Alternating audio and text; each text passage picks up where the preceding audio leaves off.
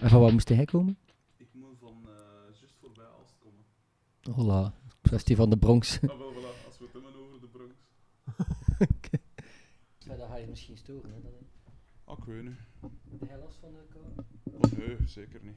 Ik heb meer, meer dan genoeg vetreserves opgeslagen om me daar tegen te laten vervallen. Ik werk liever in een te koude ruimte dan in een te warme ruimte. Ja, dat zal wel. Terecht. Oké, dan pijs ik dat, we, dat ik er ben. Oké. Ik weet niet of dat jij wat comfortabel zit en zo. Ja, Oké, dan beginnen we eraan. Hè. Eh, dag Frederik. Dag Frederik. Eh, aangenaam. Ehm, Is gelijks. de allereerste keer dat ik u zag is eh, heel lang geleden. Dat, dat moet bijna tien jaar geleden zijn. Dat was in een cultureel centrum in, ik denk, Schaarbeek ergens. Het was ergens in Brusselse, maar ik ben Mhm. er niet thuis. dus Ik, ik ben ook niet meer zeker. En dat was een, een, een optreden waar ik toen met mijn, mijn toenmalig lief naartoe gegaan was. En ik vond dat, eh, dat, was, ik vond dat een heel goed eh, optreden. Dat was de eerste keer dat ik u zag. En een tweede keer dat ik u zag was in. Toen de- was het een heel slecht optreden. Nee, dat was aan de deur van de Key Music in Gent. Ah, Jij kwam juist buiten, ik, kwam, eh, ik ging juist binnen en ik dacht: hey, dat is Frederik Sioen. En jij dacht waarschijnlijk: hey, wat een vetzak. Dus, eh, maar, maar dat dacht ik zeker zeker niet, maar ja, bon. Wat heeft hij een lange baard, misschien zoiets.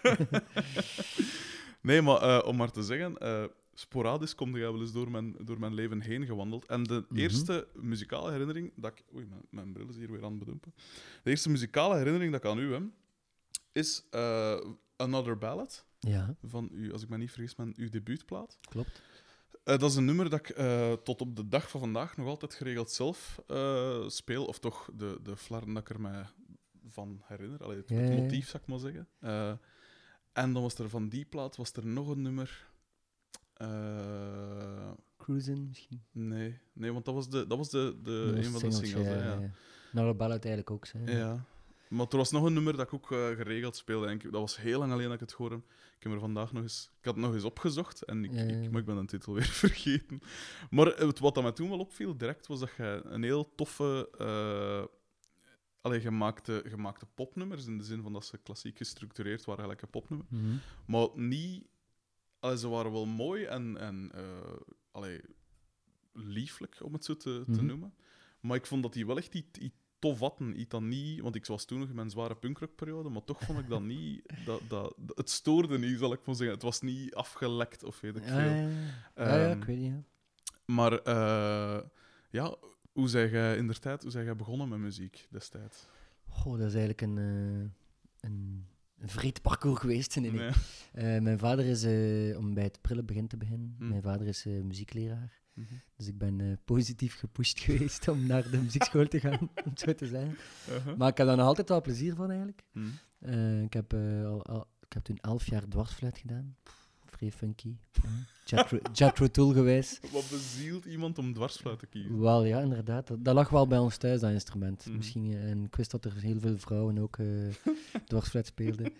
Nee, maar op mijn negen jaar was ik daar nog niet mee bezig. Maar ehm, ja, wat, het heeft- ik had dat eh, achteraf ook zoiets. Wat, het heeft u bezield om dat, dat instrument te spelen. Ehm, maar ik ben dan ook, mijn moeder, die is dan meer in, het wereld, in de wereldmuziek. die, dat is een, zij danst tango al hans haar leven. Mhm. En zij ging ook naar van die zomerstages. Dan, eh, dus dan ben ik ook Afro-Cubaanse percussie gaan doen. Wat bezielde u toen? Dit is een goed begin van het, eh, van het interview. Ehm, en dan ben ik in, eh, op mijn 16 jaar ook naar een, rock, eh, een grunge bandje gaan zingen. Dat was echt zo, ja, Pearl Jam, eh, Nirvana. Want als, want als dwarsfluitist en wat is het, Cu- Cubaanse percussie dingen, is dat ideaal voor in een, een grunge groep te spelen. Voilà, het is Jethro Tull, ik zei het al. Nee, nee. Ehm, maar allee, ik wil maar zeggen, Mhm. Mijn eh, basis was wel zeer gevarieerd. Ja. En ehm, eigenlijk ben ik eerst mijn eerste liedjes op gitaar beginnen spelen, maar dat vond ik al zeer, dat vond ik zeer saai. Mhm. Eh, ook omdat je dan plots in zo van die eh Neil Young liedjes terechtkomt die gewoon Tuurlijk. minder goed zijn. en bij de, er stond ook een piano bij ons thuis en ik moet wel zeggen, die percussie heb ik wel meegebracht op de piano. En ik denk dat dat wel een beetje mijn klank in het begin vormde Mhm. dat eh, de mensen schreven ook, eh, er werd geschreven, eh, percussie met noten. Ja. Vond ik wel heel fijn. En ja, ik speelde ook solo, dus je bent een beetje ook afhankelijk van een bepaald ritme. Tuurlijk. Je stikt er zelf eigenlijk je drumpartijen bij manier van spreken al een beetje in en linkse bas, baslijntjes. Mhm. En ik denk dat dat wel wat zorgde voor een misschien iets andere geluid dan een traditionele singer-songwriter. Zo. En dan merkte ik wel ook dat dat leuk was om ook iets heftiger soms te gaan Ja. op de piano. Eigenlijk was dat in het begin, ik heb hem gisteren nog toevallig tegengekomen, eh, Renaud Gilbert, Mhm. die dan later bij Manit speelde. Eh, maar wij, wij deden ook, dat was ook wel belangrijk, denk ik, voor de eerste plaat, is dat wij deden al 250 optredens voordat, voordat wij in de studio kropen. En ja, ik had eigenlijk al 3000 demo's verkocht. Eh, dus we, hadden, we, gingen in de studio, er was geen enkele platenfirma geïnteresseerd, Mm. ondanks dat we debuutrock ook, eh allee, laureaat waren van debuutrock. Mhm. En eh Oost-Vlaams Rockconcours, de Rock Rally heeft mij ook, had mij ook niet geselecteerd. Hm. Eh, ik ben een van de weinigen die eigenlijk nog van die tijd overblijft, Ja, die ja. niet daaraan meegedaan heeft. Ehm, en ehm, ja, eigenlijk heeft dat wel allemaal beïnvloed dat, de, dat die eerste plaat misschien wel iets minder, zal ik zeggen. Allee, dat, dat al, het had al een voorgeschiedenis. Muzikaal eh, luister ik ook naar. Ik heb toen ook nog een half jaar jazzstudio gedaan, terwijl ik eigenlijk de producer richting het conservatorium wou doen, maar dat Mhm. bestond nog niet, dat ging pas een jaar later in, invoegen. Ja. Eh, ik luister ja, van in het begin naar eh, van Bob Marley tot Tom Waits, de grote, Neil Young, eh, ja inderdaad Pearl Jam en van Mm. die, die crunch dingetjes. Maar ook naar eh, funk en naar eh, The Meters en allee, Hm. dat was wel eens al zeer... ge- Mijn eerste optreden was eh, G-Love en The Special Sauce. Dat was Ja, ook al ja, ja. niet zeer... eh allee, de, dus ik plukte wel over, overal een beetje eh, de, de inspiratie van Hm. de verschillende stijlen. En dat beïnvloedde ook de arrangementen van de song. Ja. Maar het is ook wel grappig dat je Another Ballad zegt eh, Hm. daarnet, want eh, voor de, band is dat eigenlijk ook nog altijd een zeer eh, valabel nummer. We Ja, spelen dan altijd... Cruisen dat is iets dat, we, dat, dat ik solo nog veel speel natuurlijk, maar met een band is dat dan iets moeilijker om die... eh, die Ja, ja. en Another Ballad is al in verschillende arrangementen. Hm. We spelen dan nu tamelijk Wilco-achtig. Cool. Eh, met een vrij lang en uitgesponnen eh, solo, rare solo. En en allee, dat, is, dat is ook wel een nummer dat de tijd heeft overleefd, Hmm. zeggen. Je zegt daar Gila van de Special Sauce. Ja. Dat is geleden. En dat is enkel van eh, een aflevering van het Leugenpaleis dat ik dat ken. Ik denk, zo, ze hebben zo ene keer een herwerkte, allee, zo, naar aanleiding van zoveel jaar, weet ik veel wat, hebben ze nog eens ene keer een ding gemaakt. En ik denk dat daar toen een, een ding in kwam van G-Love en de Special Sauce. Ah ja. Super raar dat je daar nu, allee, dat dat zo plots weer komt. Oh ja, maar ja, dat was be- de begintijd. Hè. En dan Mhm. De EU zijn ziet als schoen natuurlijk. En, eh, Ja. ja, is wat. Ehm, je, zegt daar, dus je begon met dwarsfluit en dan eh, percussie en dan eh, gitaar beginnen spelen. Maar heb je dan nooit eh, iets van les gevolgd voor piano? Of is dat echt gewoon puur autodidact dat je dat... Ja, nee, ik heb daar eigenlijk nooit, nooit les voor gevolgd. Maar- cool? Het is natuurlijk wel zo, als je een notenleer hebt, Hm. het fijne aan een, aan een instrument als piano, het ligt daar allemaal. Ja, Allee, de wiskundige achtergrond ligt gewoon voor je neus. ja. Je weet wel wat een akkoord is en bent daar allemaal mee te spelen, maar ik denk dat het eigenlijk allee, vrij eenvoudig is, maar laat, laat mij partijen spelen, Ja. tweehandig op de piano, klassiek dan, en dat kan ik dan weer niet. Ja, Ehm, of daar zou ik dan weer wel voor moeten, zelf voor moeten studeren, maar ik zou het dan wel, wel kunnen. Maar, eh, Ja. Nee, maar ik zeg het, dat was plots een instrument dat, dat, dat alles wel eh, herbergde. Je kon ook... ja, het voordeel aan piano en tegenover gitaar is dat je twee melodieën tegelijkertijd kunt spelen. En links akkoorden en rechts melodie. tuurlijk. Eh, Dus hij is eigenlijk al wel wat meer een, een band op je eigen. hè. Hm. Eh, Wat ik altijd nadelig vind, als je een... eh, want ik heb dat zelf ook, als je heel, een heel diverse muzieksmaak hebt, en je wil zelf muziek maken, is van, ja, hoe, hoe beslist je wat dat je precies doet? Allee, je kunt inderdaad een, een mengelmoes van alles, maar dat, Mhm. dan kun je in- eigenlijk van... van je schrijft een eerste nummer, maar dat tweede nummer kan dan volledig anders zijn. En dan is het moeilijk om één lijn te, Mhm. te kiezen. Hoe zei jij daarin? Allee, hoe, hoe heb jij dat voor jezelf bepaald, dat je die richting uit wou? Ja, maar eigenlijk, ehm, ik heb daar eigenlijk nooit over nagedacht tot, eh, tot dat ik nu ook met de laatste plaat bezig... Allee, dat, Hm. tot wanneer ik dat nu even ontrafelde, is dat Voor de laatste plaat hebben we een- ook niet gerepeteerd. Mhm. Dus we gaan gewoon met een band in de studio. Ze krijgen de demo's van mij. Ik heb al allee, ik- een ritmeboxje dat wat meeloopt en ik speel daar iets over. Misschien een baslijntje of een gitaarlijntje Ja. eh, als leidraad. Hè, want ik heb zoiets Ja. van, eh, waarom zou ik het inspelen als die man eh, zo'n inspiratie en zo op een ins- instrument meebrengt. Mhm. En dat bl- bleek ook zeer gevarieerd, ook omdat een band ook vanuit verschillende muzikale invloeden komt. Ja, zeker. Maar anderzijds, het is wel altijd vanuit mij geschreven. Het is Mm. altijd wel eh Sioen die de tekst maakt, die de melodie bepaalt. Mhm. En ehm, dat is eigenlijk de enige houvast die, die volgens mij nodig is. Mhm. Want ik merk ook als ik dingen voor, allee, eh, zaken maak voor andere opdrachten, like voor Marsman, eh, de serie dat ik Ja. muziek heb gemaakt. Eigenlijk blijft, blijft dat ook wel. Al, allee, ik hoor- ik hoor mijn eigen daar wel altijd in terug.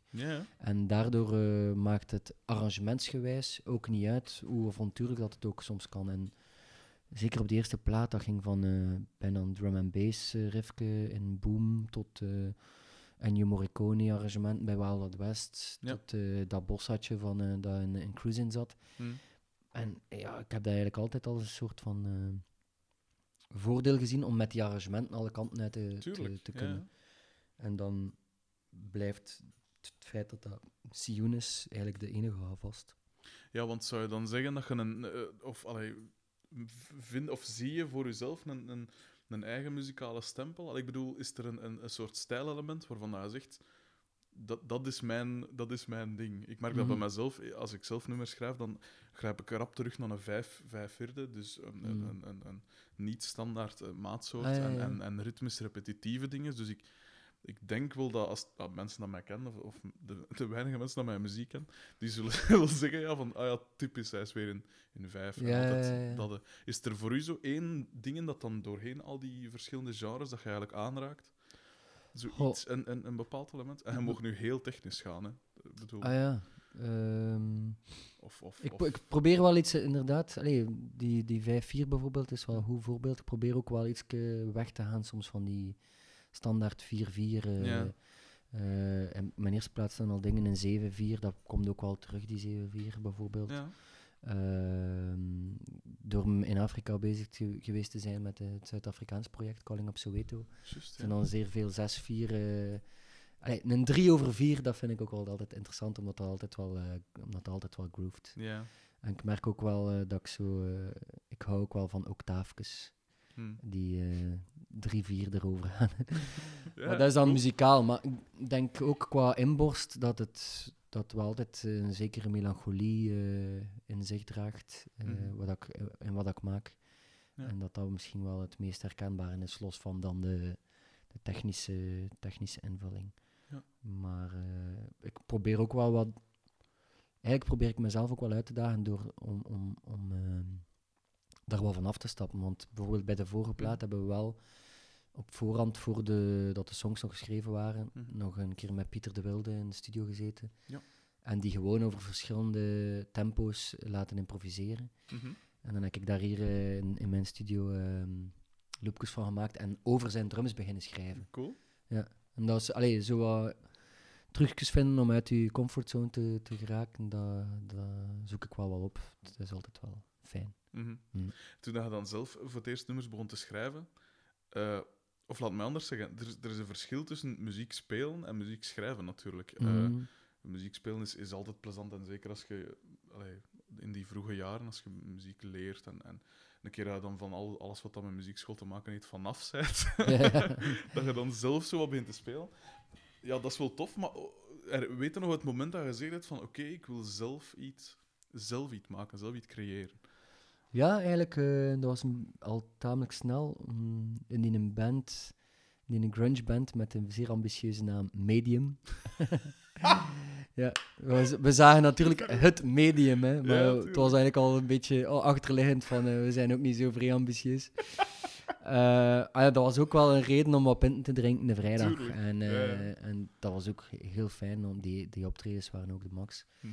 En eigenlijk hadden we ook wel, nog wel een, ik zal niet zeggen een fanbasis, maar dat was gewoon ook zo'n clubje vrienden die dan altijd afkwamen. En dat was een reden om te, om, om te feesten. maar ik voelde wel ook dat, dat, dat, dat mij wel lag om, om, op een, op, om op een podium te staan. Hm.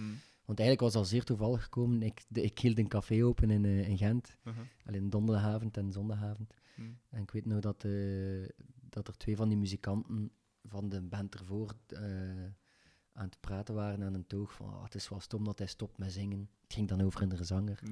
En eh, ik was er natuurlijk aan het afluisteren. Ja, dat doe je als baarman. dat weet iedereen. Dus ik, eh, ik zei, ja, sorry, ja, ik had even gehoord dat je een zanger zoekt. Ik kan wel wat zingen, ik kan wel wat muziek. eh." Dus Mhm. ik had, wel, ik had me daar al in- mezelf uitgenodigd. Misschien is dat ook wel een rode draad. Ik nodig mezelf ook altijd uit. Ehm, en ehm, ja, en, en ik mocht dan op auditie gaan en dat was, dat was dan direct goed. Hm. Maar eh, ik voelde ook wel zo van, juist, kom, we moeten daar iets meer mee doen en daar ga je niet vooruit. En allee, wij, wij repeteerden twee nummers per repetitie of zo. en het werd meer gepauzeerd dan, eh, dan iets anders. Pas op, dat was nog altijd een zalige tijd. Hm. Maar, eh, en dan, doordat ik voelde dat dat mij wel lag, ben ik dan eigenlijk op de harmonium dat hier staat. Ja. Dus nog keer waar je met je twee voeten de lucht moet inblazen, heb ik dan mijn eerste nummerke geschreven. En zo was dat vertrokken. eh, dus eigenlijk was dat getriggerd door die, eh, door die band. Hm. En, Wat was, de, wat was de, het onderwerp van dat eerste nummer? Waar ging dat over? Ehm, Shy heette dat, dus eh, het ging over een soort Heb van... je dat ook niet opgepakt? Was stond dat niet op de eerste Ja, plaat? dat staat op mijn eerste plaat ook, ja. Ehm, ja, eigenlijk een beetje in de verlegenheid van, eh, om naar een eh, meisje toe te stappen Mhm. en eh, daarmee te beginnen praten. Een problematiek mij wel bekend. ja, maar ja, ik bedoel, eh, wat, was ik toen? Misschien 17 jaar of zo, dus Mhm. eh, dat was ook wel eh, de ontluikende periode van jezelf tegenkomen. Ehm, maar eh, ja, voilà. Zo Ja. was dat begonnen. En heb je zelf dan ge, ge, gemodelleerd naar, of, of waren er bepaalde artiesten waar dat je naar opkeek, alleen niet naar opkeek, maar dat je toch zo wat als, als een soort, ik wil iets doen in de trant van die een artiest. Ehm, Bij mij is dat bijvoorbeeld een mengeling tussen mhm.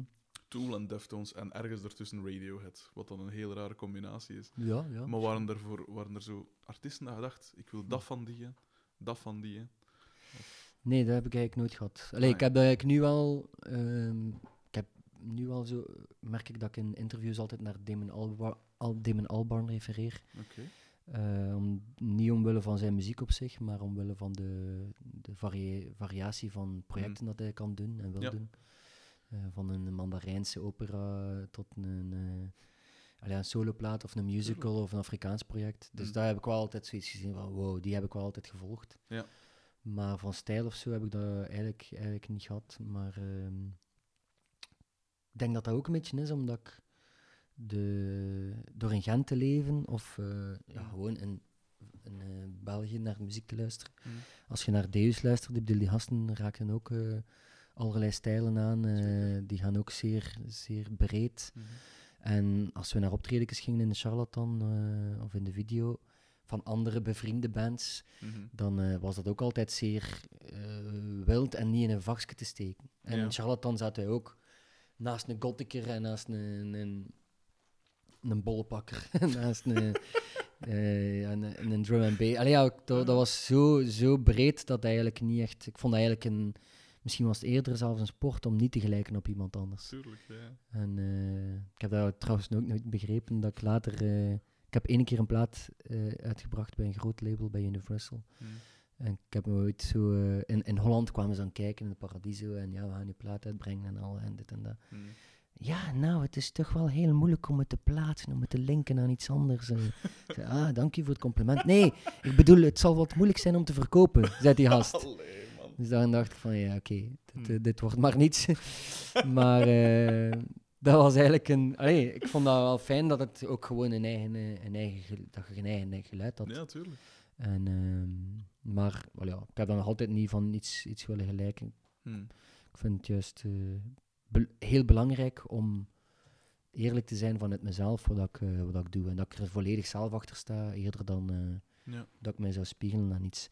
Ja, je hebt wel de referentie van uw band en de omliggende Pieter Anne Smet, die ook mijn eerste plaat geproduceerd heeft. Ja. eh, Frederik Segers, die eigenlijk van in het begin eigenlijk al ook een beetje een rode draad is in mijn Mhm. parcours. Dat zijn wel belangrijke meningen, maar voor de rest... ik gewoon mijn goesting eigenlijk. Ehm, ja, je hebt hier nu al een, een ganse hoop eh, mensen eh, aangehaald, gelijk Mhm. mm Jan Smit en eh, wie, wie dat je allemaal genoemd hebt. Hoe, hoe, hoe heb je destijds dan uw, uw eerste groepsleden gevonden en hoe, hoe heb je uw huidige groepsleden gevonden? Want ik neem aan dat er doorheen de jaren wel heel wat mensen de revue gepasseerd zijn. Ja, ja, inderdaad. Maar waar, hoe? Want je- bijvoorbeeld Pieter de Wilde van, Mm. van Raketkanon, Mhm. Ja, dat is iets volledig anders van, van, van allee, Raketkanon en Sion is Ja, ja, nu ja. niet direct in zulke dingen Nee. te, te steken. Maar hoe kom je bij zo'n mensen terecht? Ja, eigenlijk is dat gewoon op café, denk ik. Eh, ja, ik weet niet. Ik heb eh, gisteren toevallig naar Bratslavski gaan kijken. Hmm. Eh, trouwens, een vrijwijs project van David Bratslavski in het Frans. Hmm. En dat was met Jacob Nachtergaal op drums, die dan ja, mijn eerste plaat heeft opgepakt, met Renault erbij. Hmm. Eh, een bassist die nog eh, vervangen heeft. Eigenlijk is dat een soort van ja, Gentse familieachtig iets. Allee, Hmm. een van mijn vorige leven was goed bevriend met... Nee. wat? Een van mijn vorige lieven. Ah, ja, ja, ja. nee, ja. in die 50 moeten wel vorige zijn iets. Eh, ehm, Uh-huh. als je Shai hebt gemaakt, dan zijn er dan ook vanaf van dat probleem dat dat, je verlegen bent, dus nu is het vol een bak. Nee, nee. Ehm, Mhm. maar die eh, muzikanten, ja, kwam die tegen in, met, met Bart Ostijn en, en, en Lien de Greef, Lady Lynn, Ja, zaten wij al... eh, ik ben naar hun eerste optredens geweest in, eh, in de Cool. In een cafeetje. Allee, we, we, we, we kennen elkaar al voordat we Ja. een eerste plaat hadden gemaakt. En al die muzikanten daar rond, die Mm. daarbij speelden, of die bij andere projecten. Ja, ik leerde die allemaal kennen, ook via de link van het conservatorium een beetje. Hmm. En eigenlijk kwam ik daarbij met, met een van mijn vorige liefden die bij hen in de klas zat. En dan Ja. eigenlijk eh, ook, ja, als je... mm, Als bijvoorbeeld mijn vorige drummer, Laurens Smagge, die eh, nu bij Arno ook speelt, Ja. die kreeg dan ja, op een iets kalmere periode met Sioen, kreeg hij dan het aanbod om met Milo te spelen. Ja. Ehm, ja, had juist NES gekocht, dus hij moest dat wel doen. Maar, en dan was, ja, Pieter de Wilde, ik kende die toevallig al vrij lang. Hmm. Eh, ik had die ook nog bij Nomo Trevno bezig gezien. En eh, ja, die, los van het hevige werk bij Raketkanon, is dat ook gewoon een fantastische drummer die vrij veel naar Neil Young luistert, Ja. bijvoorbeeld. En we komen dan daarbij terecht. En dan PJ, eh, de bassist, was dan, heeft eh, Mirko Banovic dan een keer vervangen, die dan met mij al Ja. een tijdje speelde, die dan eh, door Arno niet kon. Geweldige P trouwens, Mirko Banovic. Ik heb Ja. hem geïnterviewd. Eh, ik heb Zalige P. ik heb hem juist een, een sms, hij heeft mij een boek gegeven van iets, omdat hij hier eh, kon repeteren. Ja. Ehm, maar dat zijn ook, ja, dat is ook hier, als PJ een keer niet zou kunnen, omdat hij nu met Hydrogen C aan het spelen Ja, is bijvoorbeeld, kan ik naar Mirko bellen. Of uh, Hmm. Alan Gevaert van Deus, die komt hier over de vloer bij Pieter Jan. Uh, allee, je komt elkaar zo veel tegen. En uh, eigenlijk is dat... Ik, zie ik, met, ik zit hier met Laurens ook nog op café. En, ja. Dat is eigenlijk een beetje een familie geweest familiegebeuren. Feitelijk. Maar is dat niet heel dubbel? Want je hebt enerzijds inderdaad wel die, die scene, dat familiegebeuren, van Mhm. hey, iedereen kent iedereen. En, en hey, als je elkaar tegenkomt op café, dan kan ik me wel voorstellen dat er, allee, dat, dat plezant is. Maar langs de andere kant heb je wel zo'n beetje dat, dat, dat huurlingengevoel. Allee, ik ben natuurlijk Ja, ja, niet van een stad en er, allee, waar ik zit is geen scene. Ehm, en dat lijkt me heel tof, maar anderzijds, ik ken zo wat groepen dat, waarbij dat dan gasten spelen, dat dan ook wel... Dan denk je naar, die, naar hier en dan twee jaar later zit die bij een andere dingen. Mm. Is dat niet zo als toen, dat je, allee, ja, als toen, dat je zo niet... Bij mij leeft heel erg dat gevoel van ik wil een groep en zo'n vaste klik en ja. samen ergens geraken. Misschien dat dat bij u natuurlijk anders is, omdat je... Allee, jij, jij maakt de nummers. Nee, nee, want aan. ik, ik denk dat de, de, de vorige plaat net... allee, dat dat zeer belangrijk is dat we een band zijn. Ah, ja. We hebben ook wel veel gespeeld. eh, we, hebben ook naar, we zijn naar Korea samen geweest, naar Indonesië Oh, Max. samen geweest. Ja. Dat is ook, allee, wij kennen elkaars eh, problemen met hun lief of met de kinderen. En, eh, Mm. en allee, wij, wij praten ook vrij. wij- ik vind dat vrij belangrijk dat. Misschien is dat vaste bandgegeven eh, minder belangrijk dan dat je eigenlijk de me- mensen goed kent met wie dat je Ja. speelt. Dat je weinig woorden nodig hebt om eh, op dezelfde golflengte Ah, ja. te zitten. Ja. En ik denk dat dat, dat familiegebeuren daar rond een beetje wel eh, versterkt. Is dat, Mhm. ja, als, als Pieter nu toevallig niet zou kunnen met raketkanon, weet ik wel Jacob te bellen of Laurens te bellen. Mhm. Die verstaan mij, want die kennen mij door en door van, van, van, van een tijd geleden. Mhm. En ehm, maar allee, ik, probeer natuurlijk wel ook, allee, gezien de repetitie, je moet op elkaar ingespeeld zijn. Hè. Dat is natuurlijk Tuurlijk, met, elke, met elke eh, band anders. Maar het is ook eh, geen, geen eh, tijdperk om prioriteiten te stellen, wat ik trouwens iets ongelooflijk belachelijk vind. Ik vind dat, ik vind dat, allee, ik vind dat een van de dingen dat ik sowieso, als ik terugkijk op eh, het Sioen-verhaal, kon ik dat ook wel doen. Ik heb vier, drie jaar 120 optredens per jaar gespeeld. Max. Dat was echt wel heel veel. En dan kunnen ze zeggen van ja, eh, je verdient via mijn band eh, uit het vrij. En als je iets anders wilt doen, Mm. eh, bekijk het of dat, dat, dat, allee, dat je dat andere ding kunt opzij zetten. Ja. Maar anderzijds is dat ook wel iets vrees, Tom, want mensen moeten toch ook gewoon hun ding kunnen doen. Een Mm. muzikant die ervan wil leven, moet nu bij vier bands spelen of zo. Ja. En ik zelf ben met heel veel andere projecten bezig. Mm.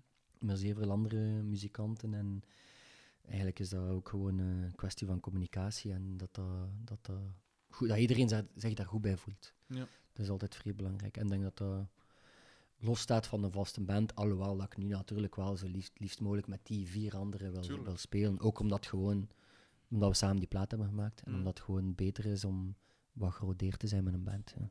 Is dat iets van deze tijd, Pijs? Dat vraag ik me. Ik weet niet, dat is nu iets minder op u gericht, maar Mhm. ik stel me nu juist die vraag. Was dat vroeger ook zo, Pijs? Dat, dat er zoveel... Ik heb de indruk dat vroeger wa- dat de bands, en dat waren die bands, maar nu Ah, ja. speelt iedereen in vier bands tegelijk, of in drie bands tegelijk. Ah ja, ik denk dat dat ook gewoon een economische situatie is. Hè. Je Mm. moet daar niet, moet daar niet onnozel over doen. Ja. Dat is, eh, als je van een band wilt leven, vroeger ja, kon je ook gewoon veel meer spelen Mm. Eh, dan nu. Ehm, en eh, allee, ik denk dat dat een beetje afhankelijk is ook van de, van de periode in je carrière ook. Want Ja. in het begin, als, als, ik vond dat vrij wijs om in Nederland en Duitsland en Frankrijk te gaan spelen. Dat was Zo. fantastisch. Maar bijvoorbeeld nu zou ik dat niet meer eh, zien zitten om zo 120 shows te gaan spelen in een busje. Je mist alle sociale leven met je ma. Je komt eigenlijk al Mm. op feestjes terecht waar iedereen poepeloer zat is. Dus je probeert die al wat in te drinken in een bus om hetzelfde niveau te hebben. Uh-huh. Ehm, Welcome to my world. Maar ja, en dat is natuurlijk, dat heeft een zeer, zeer wijze charme, maar gelijk als ik nu voor een serie muziek kan maken in mijn studio hier, Mm. eh, dat, dat kun je niet combineren met dat leven. Maar wat, Mhm. kan toch niet wel naast de kwestie, maar... Dat eh, is niet erg. eh, nee, oké. Eh, maar ik denk dat gewoon dat, dat, ja, dat, als je natuurlijk 500 euro per, bij een band kunt verdienen, Mm. en je hebt eh 50 shows op een jaar, dan kun je misschien, dan kan dat misschien nog lukken, maar eh, anderzijds, Frederik Segers zei mij gisteren ook, Hm. van ik had een indruk dat er nog nooit zo geen muziek is, ge- is gemaakt. Eh, dan, eh allee, toch zeker meer dan eh, vijf of tien jaar geleden, omdat iedereen ook een beetje uit eh, creativiteit woester bezig is en Ja, minder gelimiteerd is aan ja, bepaalde formats, ook met internet heeft allee, dat heeft er ook allemaal mee te maken, maar iemand die iets vrij apart doet, kan ook zijn weg vinden via, via internet Mm. natuurlijk. Dus het heeft allemaal zijn voor- en nadelen. En ook de ervaring van, een, van, eh, van iemand als Pieter bij Raketkanon, die brengt dat dan ook mee naar het podium met Sioen. Of eh, Jan Roelkes, die eh, met Hooverphonic en Arsenal heel veel gespeeld Mm. heeft. Of die nu bijvoorbeeld een ander project zou doen, dat zou dan weer ten voordele zijn van mijn band ook. Allee, bedoel, Tuurlijk, ja. dat is, dat is allemaal... we moeten zo- dat prioriteitenkwestietje dan nou bekijken. Mm. Of van één band leven. Misschien heeft dat, heeft dat ons vroeger misschien wel veel te veel in ons kot gehouden. Ja, ja, dat zou kunnen. Of op café gaan. ja, een muzikant kan niet meer op café zitten, want hij moet bezig zijn. Hè. Ja. Ehm, ja, zeg, dus als je dan... eh, je, je begint dan nummers te schrijven. ehm, en, maar is... eh allee, eigenlijk een nummer like Shy lijkt me dan inderdaad puur of voornamelijk op, op eigen ervaringen eh, Mhm. gestoeld. Is dat bij alle nummers zo? Of haalde, waar haalde zo al uw inspiratie uit? Ehm, goh, eigenlijk blijft dat wel heel dicht in mijn omgeving. Hè. Eh, maar natuurlijk, het is niet eh, dat. In, op die, in die tijd, ja, 17 jaar, is, eh, liefdesliedjes. Ik bedoel, dat is ook gewoon uw eerste aanraking met die gevoelens. Mm. Terwijl je op de laatste plaats, Hoop voor de Slant, is eerder een soort van. eh, ja, heeft een, een iets eh, politiekere insteek of geschiedkundige in, insteek, omdat. eh zoals die herdenking van de 100-jarige oorlog. Ja. Ehm, met de vaderlandsliefde in die tijd van we gaan vechten voor België. En Mm. dan ja, komt dat wel in conflict met hoe dat we daar nu over nadenken. we gaan vechten voor België. Eh, ja, ik weet toch niet zo goed. Uh-huh, Of voor, eh, laat staan voor Vlaanderen of voor eh, whatever. Ja. De landsgrenzen worden vervagen en ik vind, dat, ik vind dat ook heel fijn. Hm. Maar dus dat, dat contrast van, de, van of het gebrek aan vaderlandsliefde nu, Hm. dat komt eigenlijk een beetje als inspiratie voor dat nummer. Ik merk wel ook dat ik, ehm, dat ik eh, het wel geleerd heb om een aantal omwegen te kunnen maken. Hm. Bijvoorbeeld eh Pharaoh, eh, de single die we nu gaan uitbrengen en die ook op de plaat staat. Dat gaat over, eh, eh, wordt geschreven vanuit een eh, 18-jarige jongen Hm. eh, in, in de situatie van de Arabische lente. Ja, ja. En eh, zijn moeder vraagt aan hem van, eh, en wat, eh heb al nagedacht, je bent nu 18 jaar, wat, Mhm. je- wat wilde worden? En hij moet Ja, een beslissing nemen. Ja, maar geen probleem, ik heb al lang besloten, ik word president van dit land, ik ga het hier allemaal een keer fixen. Daar komt het eigenlijk op neer. Maar eigenlijk gaat dat, is dat onre- onrechtstreeks een beetje over mijn eigen engagement, of mijn eigen drang soms Ja. wel. Ik denk dat veel mensen zich daarmee zich mee kunnen identificeren. Is dat je leest iets bijvoorbeeld over nu de vluchtelingen op de Middellandse Zee Ja. bijvoorbeeld. Je kunt daar zo weinig als individu aan doen. zo. Mhm. En eh, dat vind ik dan wel... ehm allee, dat engagement dat je voelt, maar geen weg mee krijgt. Ja. Dat zouden wel willen dat je zo wel weer 18 jaar zit, bij manier van spreken, en dat je zegt van, kijk, ik ga het hier allemaal fixen, ik begin van nul, ik, ga hier, eh, ik word hier binnen een aantal jaren president van het land, en eh, ik ga daar nu al aan werken. Ik word vrienden met mijn vijanden. en natuurlijk een idealistische Mm. insteek. Maar dat ik die in een bocht kan maken, vind ik wel wijs, omdat je dan meer een, eh, een, eh, een verhaal kunt over vertellen. Ja. Of Fjords op de plaat nu gaat over een, mijn eigen eh, mannelijke kinderwens. Ik zou Mhm. graag kindjes hebben. Ja, ja. En dan, eh, ik, had dan, ik was dan op reis in, in, in, in Noorwegen en ik zag dat als een wijze metafoor Hm. op een of andere bizarre, lugubere, seksuele manier. Maar Uh-huh. Het is wel, eh, je zoekt wel middeltjes en dat vind ik heel fijn aan songwriting, is dat je, het is eigenlijk een soort van therapie voor jezelf. Ja. Je, ont- hebt een reden om jezelf te ontrafelen, want anders ah, moest ik een bureaujob hebben, zou ik misschien minder nadenken over wie ben ik, wat doe ik, eh, Hm. waar wil ik naartoe. Paul, pas op. Eh, ja, oké. maar ja, hij komt ook wel veel buiten, dat is ook wel fijn aan dit medium. Waar. Je leert veel mensen kennen, je denkt ook na over- door met mensen te praten. En eigenlijk is dat een oproep dat je kunt doortrekken, is dat, dat mensen moeten gewoon naar buiten komen, andere Mm. culturen leren kennen, of je gewoon een buurman leren kennen. Dat is Zeker, gewoon al eh, zeker. zot dat je- ik heb, allee, we, hebben- we zijn nog niet zo lang geleden verhuisd en we betrapten ons eigen zelf, zelf dat ik degene die ernaast woonde niet ken. Dat is Ja. eigenlijk belachelijk. Ja. Je spreekt over andere culturen. Je had een paar jaar geleden, als ik me niet vergis, wel van heel nabij een andere cultuur leren kennen, want je bent naar Afrika gegaan. Ja, ja, Hoe, ja. hoe, hoe- wat was daar de aanleiding voor en hoe was dat? En, Dat was ehm, eigenlijk ehm, via Le Ballet de la Baie. Mhm. eh, eh, het danscollectief rond Alain Platel. Ja. Die werken elk jaar mee aan One Day for Another World op de Gentse feesten, samen met Oxfam. Ja. En die hadden mij toen gevraagd om eh, een optreden te verzorgen op die, eh, op die dag. Ze zeiden van ja, je kunt wel wat, wat oude liedjes herwerken eh, met de Afrikaanse muzikanten, eh zijnde vanuit Soweto in, in, in Zuid-Afrika. Ja. Ehm, maar ik had zoiets van, ja, als ik dan toch naar daar ga, wil ik wel een nieuw verhaal schrijven en nieuwe muziek schrijven. Ik ga hier niet cruisen even in, in een Afrikaanse kleedje steken. Eh, en zo is eigenlijk een beetje naar die bal aan het rollen gegaan. Ben ik daar naartoe geweest. eh, eh, eerst zonder enige muziek, gewoon om, die mensen om wat mensen te leren kennen en om wat de, de cultuur wat eh, aan te voelen. Hm. Maar ja, dat is een zeer lang verhaal. Ik, probeer dat, ik ga dat proberen kort te vertellen, maar... eh Laat u gaan. ja. het is, dat, het is een anti-radio, we hebben geen format. Voilà, het is dat. Eh, nee, maar eigenlijk, ja, uiteindelijk zijn ze dan naar Gentse feestje gekomen voor dat optreden. Maar dat Mhm. was zodanig plezant dat we daar een plaat van wilden maken. En dan ben ik teruggegaan om daarin, eh, met Mirko trouwens, met Mirko Laurens en Frederik Segers, ehm, om dan in Johannesburg die plaat op te pakken. Dat was eh, zeer woest, cool. zeer woest gebeuren.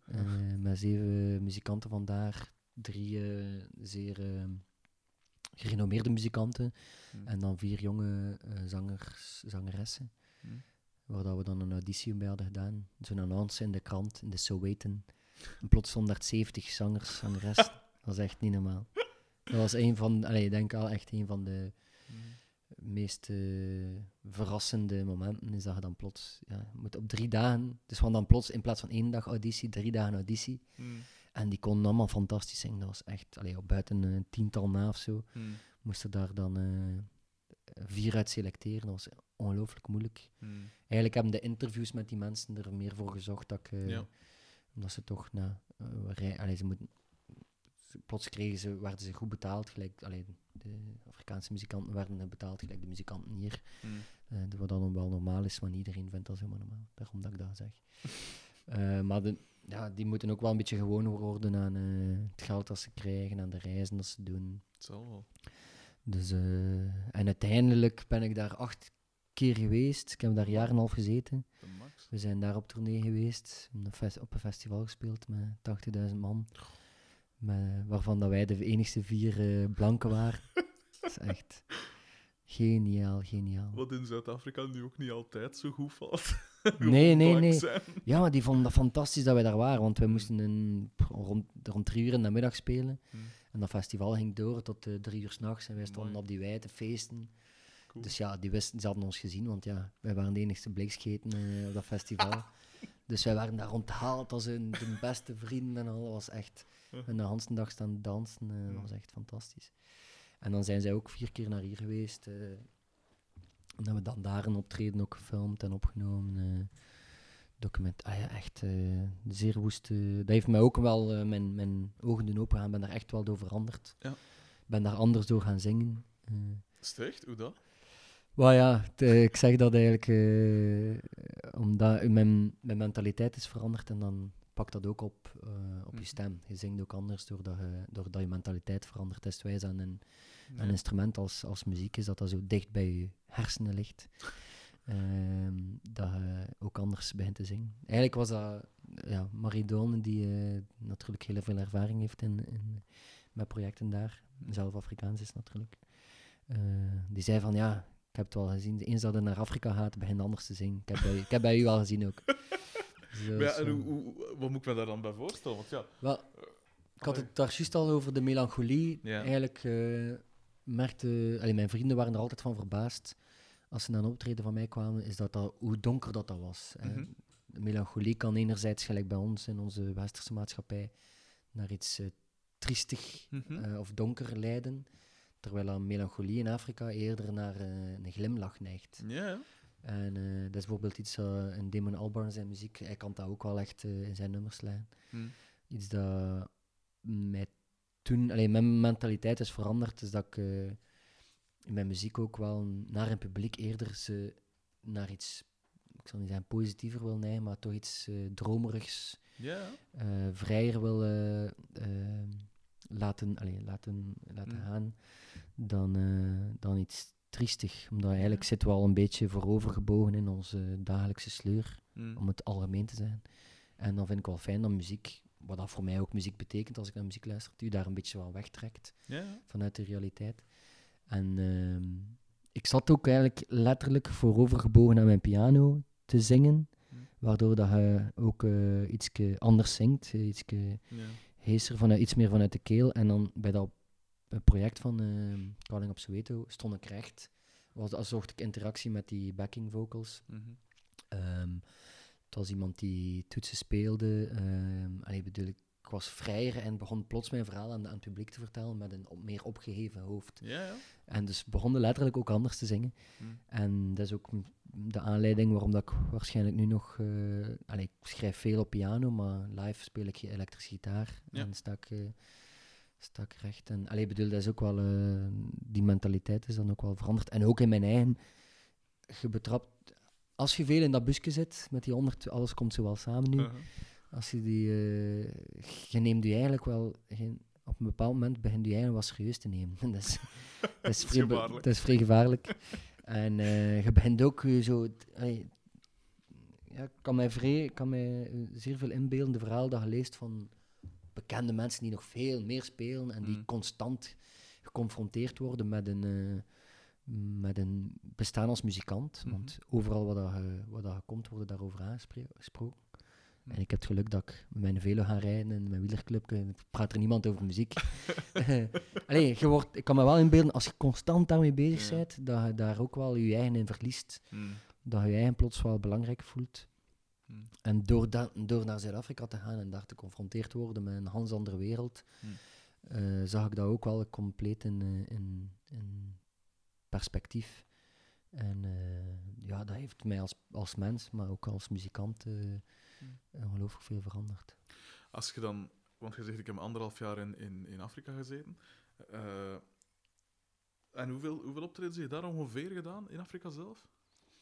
In Afrika misschien twintigtal. Twintigtal. Ja. Wat is dan zo het. het eh, het, is een, het is een typische stoeme Belgische vraag om te stellen, maar wat is dan zo het, de grootste cultuurshock of het, ra- het raarste dat je daar dan meegemaakt hebt? Eh, tijdens een optreden. Ja. Goh, ehm, Zijn er zo geen dingen? Want dat, allee, wij denken dan van ja, in Afrika, daar, weten ze, daar zijn ze bij wijze van spreken nog zoveel achter. En, maar, allee, langs dan, we weten wel dat dat niet zo is, maar tegelijk is het wel Mm. een andere wereld echt. En, en ik vraag me dan af hoe dat, dat dan echt is. Eh, de mensen raken wel meer in eh, wat dat anders is. Ik, heb, ik ben wel geen man van de anekdotes. Ik laat Ah, dat aan dan anderen ook. Ja, salutjes, yo, bedankt. Ehm, nee, de, ja, de, het genot van, eh, en de in trance geraken van, eh, Hmm. van, een, van, van muziek daar is wel. En ook het engagement van, eh, van een boodschap brengen. daar- eh, muziek heeft daar echt die functie.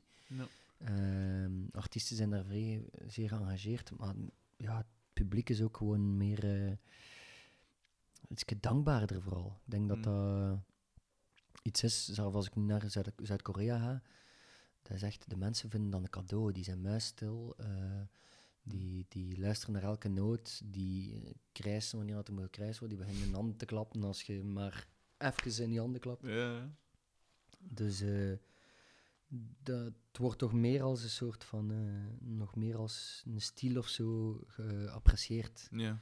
Terwijl, allee, als je nu een timmerman bij je thuis komt voor je verbouwing en steekt een trap, dan heb je zoiets van, wow, kerel. ja. Allee, piekt als je die factuur betaalt, maar wel super schoon werk. hè? En, en die spre- allee, je hebt echt wel, als het, eh, als het goed is, dat is, dat is, dat is de max. Terwijl ah, nu, ja, gisteren dat optreden ook, in zo'n... eh, mensen die gewoon luid keels en er over de voetbal aan het praten zijn tijdens Ja. een optreden. Dat is echt...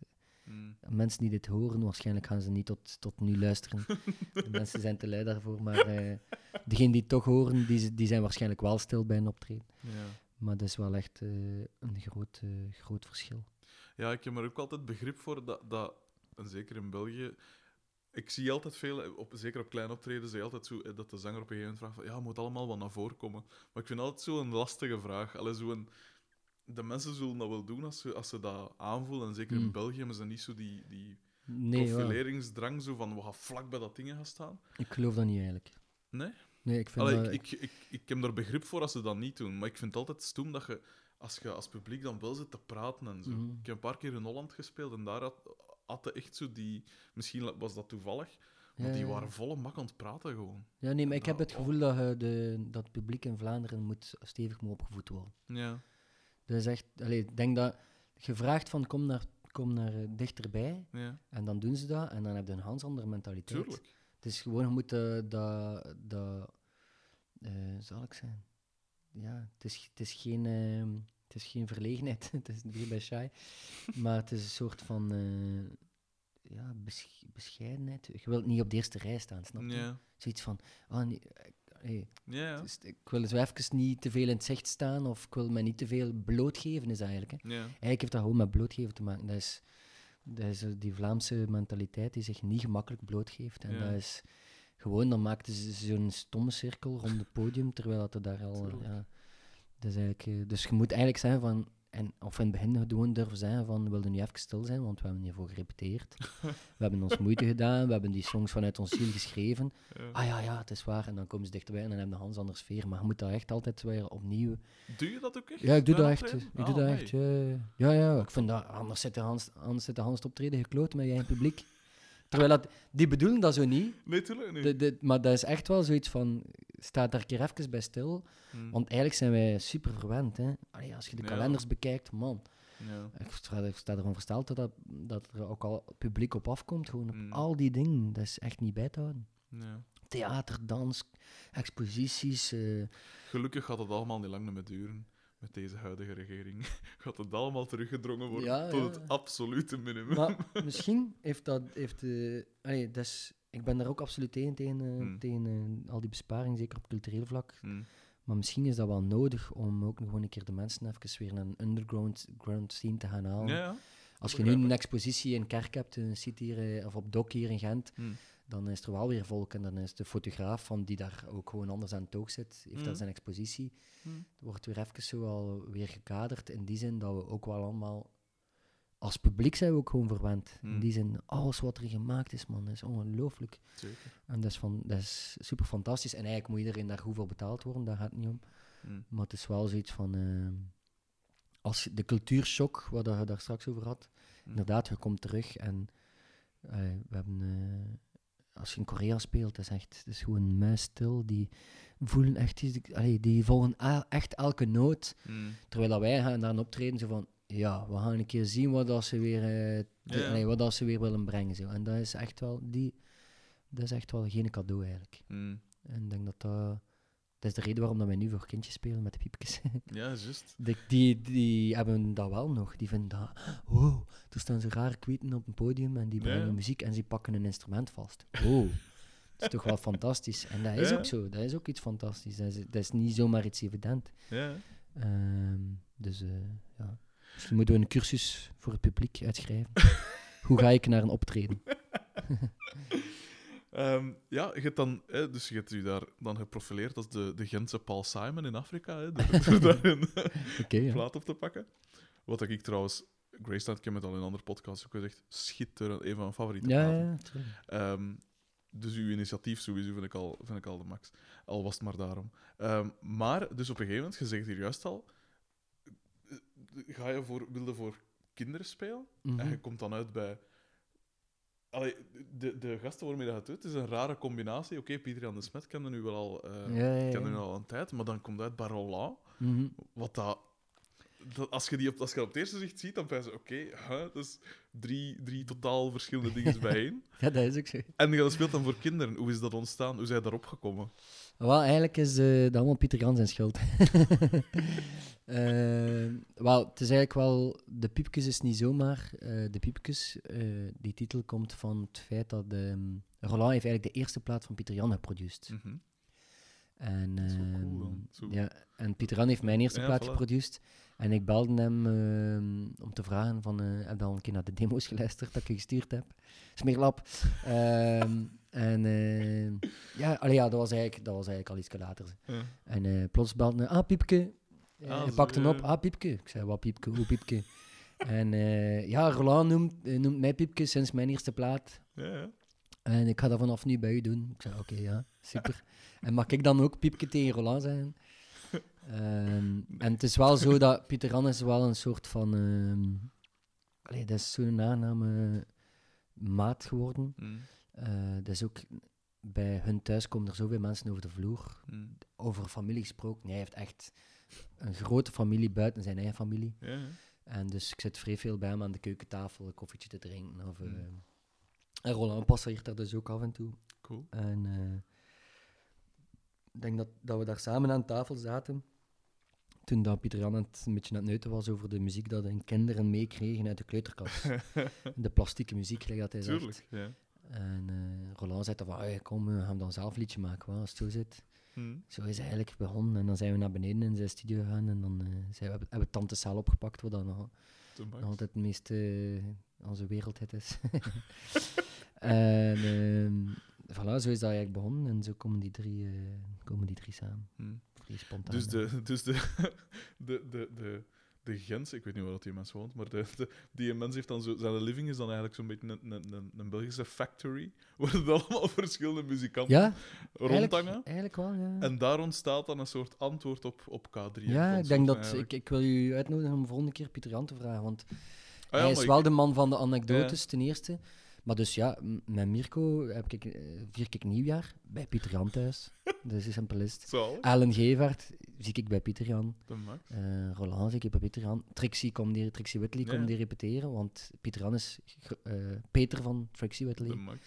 Ehm, eh, wie- ah, Lisa van der A. Ja.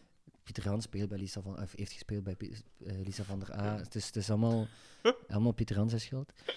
Ik woon op, ik woon op, de, op Meulensteed door Pieter Jan, omdat ik bij Pieter Jan over de vloer kwam. En, en, en na de eerste plaat ook nog gewoon eh, mijn andere nummers laten horen. eh, Mhm.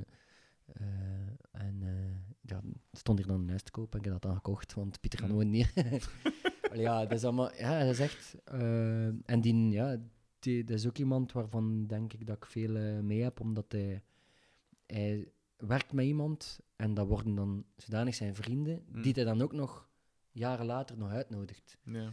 En dat is, eh, dat is, dat is heel fijn. Dat is eigenlijk allee, de grote kwaliteit... eh, levens, mijn levenskwaliteit is gewoon verhoogd door Pieter Jan te leren kennen. Mhm.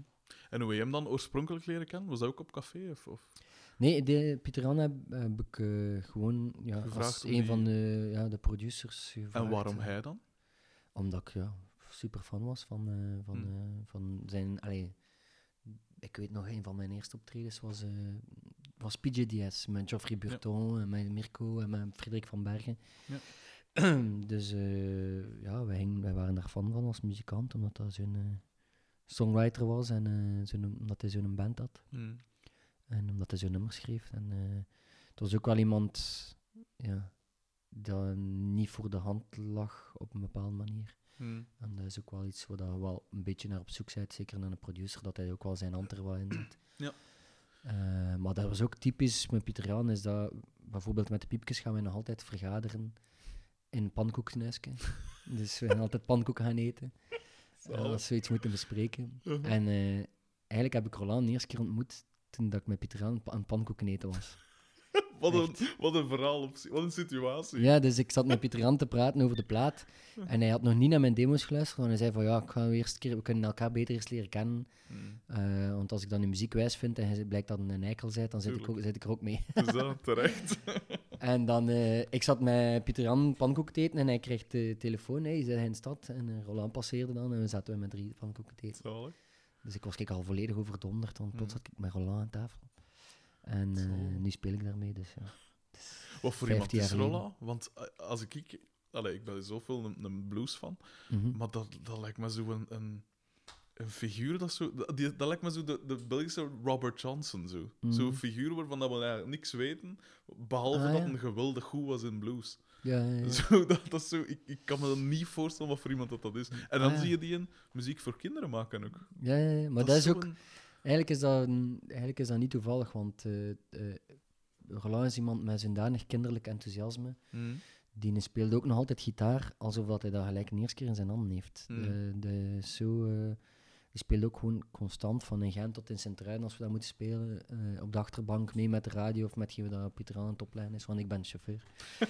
Eh, ja. En ehm, die heeft ook al. Eh, die, ja, dat is gewoon puur sang muzikant. Mhm. Die zijn eigen pad bewandelt. En die, maar dat is altijd, hij is zo'n vrolijke, vrolijke mens. En Mm. eh, met een eigen gedacht, weliswaar. Mhm. Maar ja, die, ja, het is iemand die ongelooflijk zeer dankbaar is voor hetgeen wat hij al eh, heeft Mhm. mogen doen. Maar anderzijds ook wel zelfbewust is dat hij alles, hij heeft alles zelf geïnstalleerd. De Max. Maar dat is zo een die... Allee, ik hoor dan verhalen van eh, dat hij aan een optreden van The Band, de legendarische The Ja, Band, ja. geweest was in Nabé. En hij zag daar een gitaar op podium bij die kerels. En eh, plots zat, eh zat eh, Roland in de backstage in Nabé met de kerels van de band over die gitaar te praten. en dan vertelt Pieter Jan mij van, ja, ik belde hem de dag erop van, ja, wat zit hij? hoe is het nog geweest? Want ik had hem niet meer gezien gisteren. Mm. We gingen toch samen terugrijden of zo. Eh, ja, ja, ik ga je moeten laten, want eh, we moeten subiet op het podium met de band in Parijs. dus Roland speelt dan mee, direct. Wat een held. Met de volgende dag met de band in, in dus hij leert dan die mannen kennen. Of, eh, ehm. Tim Harden, legendarische songwriter, heeft nog bij Roland gelogeerd zelf. Die- Dat is een die dat Of die vertelt dan, ja, ik heb 85... eh, ik zeg, ja, Piepke, hoeveel gitaren eigenlijk? Want, nee, dat ging, dat ging eigenlijk over het feit dat hij naar Cuba moest. Ja. Ik zei, nooit probleem met gitaar, zo, de vlieger en al. Steekt dat toch niet in de, Hmm. in, eh, in de cabine. Nee, nee, maar ik, heb, ik, ik, eh, ik pak geen gitaar mee. Ik zei, ah, ik heb daar gitaren staan, zegt hij. en ik zei, hoeveel gitaren heb je dan? 85, denk ik. 85. en die staan overal ter wereld. Op de plek waar hij vaak naartoe moet, steekt dat, Amai. laat hij dat dan naar de ambassade. Super cool. Dus eh, die heeft dat probleem mee van, van dat vervoer, want hij heeft er daar wel eens staan. dus, eh, maar ja, ik bedoel, eh, ja, enthousia- enthousiasme, ja. Het is een ja, zalige, zalige muzikant. Je zegt daar dus met de piepjes probeer je dan iets, een alternatief te bieden voor die plastieke muziek. Maar hoe... Of allee... Ja, hoe, hoe doe je dat dan? Allee, qua teksten bijvoorbeeld, of qua... Wat, wat, wat doe je daar precies dan in? Wat voor teksten schrijf je, wat voor muziek? Allee, ja, wat is het alternatief voor die plastieke muziek? We proberen ten eerste een beetje vanuit ons kinderlijke verbeelding te schrijven. Hoe dat wij als kind zouden kijken naar, eh, naar de volwassenen. Dus we, Mhm. we schrijven het al een beetje alsof dat de, kin- de kinderen zouden het geschreven hebben. Mhm. Dus dat is een andere optiek dan dat mm, volwassenen denken hoe dat, te weten hoe dat ze de kinderen gaan animeren. Mhm. We hebben ook... eh, allee, kinderen eh, praten ook over de dood en over Hun gescheiden ouders. En mijn papa en mama zijn wel nog samen. Nee, nee, nee, nee. Die pesten elkaar daarmee bijvoorbeeld. of die, over eh, ja, ADHD en eh, het super ene- of wachten, of ik Mm. verveel mij. eh, door, door een beetje de allee, niet te analyseren, maar door het niet voor hun voor te kouwen, Mhm. hoe dat wij denken dat zij van, het fantastisch vinden dat vliegende paarden en mega- gigacindies en al en megamindies. Ja, Eh allee, ik bedoel, de- we proberen echte dingen te maken vanuit, eh, in de tekst. En eh, daarin ook wel een beetje ons geschiedenis wat te, in te verwerken. Mhm. Hoe dat wij als kind waren. Of naar een schat op zoek in een sponsenbroek, bijvoorbeeld. Als we het over Graaf de Graaf hebben. iemand die een zandkasteel maakt op het ja. strand. Dus zo de dubbele bodem, waardoor dat we de volwassenen het misschien ook leuk vinden. Ja. En we maken vooral ook geen stijlnummertjes. Allee. Ja. We willen gewoon ook nieuwe muziek maken. eh. Los van een bepaalde stijl of zo. En testen die nummers dan op een willekeurige kroost? Nee. Nee, dus ga echt... de kinderen van Pieter Jan die komen wel een keer binnen Ah, en ja. buiten, zo, maar die zijn ondertussen ook alweer wat ouder. Hmm. Maar eh, het- ja, nee, het eerste optreden dat we deden was ook wel vrij spannend, omdat Ja. ja, kinderen zijn super eerlijk natuurlijk. Als we daar eh, hebben gemerkt dat ze het maar niets vonden, dan eh, waren we daar nu niet, misschien niet meer mee bezig of zo. Hmm. Of, ehm, maar ja, blijkt dat, ze- dat ze het wel eh, fijn vinden. Mhm. Maar het is een moeilijk evenwicht zijn. Ik, de, de, een tekst maken is niet zo. We, we hebben eigenlijk ook al soms het gevoel gehad van dat we iets gemaakt hadden en allee, dat we een Mm. maand later zoiets hadden van nee, eigenlijk klopt het niet met wat dat we. Ja. Dus eh, dat wordt wel. eh, we gaan nu aan het tweede plaatje beginnen, dus eh, Cool. dat wordt wel weer een fijne zoektocht. maar muzika, muziek, de muziek op zich is nooit een probleem. We hebben Hmm. dingen op een halve dag gewoon opgenomen en ingezongen. Dus het kan, kan wel vrij snel gaan. Ja. Je hebt eh, van de week of vorige week, een paar dagen geleden al sinds, eh, nog iets, een speciaal samenwerking gedaan. Mhm. Namelijk met Jeff Neven en Dirk Brossé. Ja, ja, ja. Hoe zijn je daar weer in terecht gekomen? Want dat is dan weer iets totaal anders. ja wel, ik denk dat dat wel iets is dat we... Allee, we hebben dat eigenlijk zelf eh, bij elkaar opgemerkt. Het zijn, we zijn drie wat muzikanten die graag wat buiten de lijntjes kleuren. Mhm. Eh Adrien Procé die werkt ook met, met popmuzikanten of Mhm. eh, schrijft een musical of doet iets voor... eh, of, of schrijft soundtracks voor een BBC-reeks of zo. Mhm. Of is dan dirigent van eh, een orkest.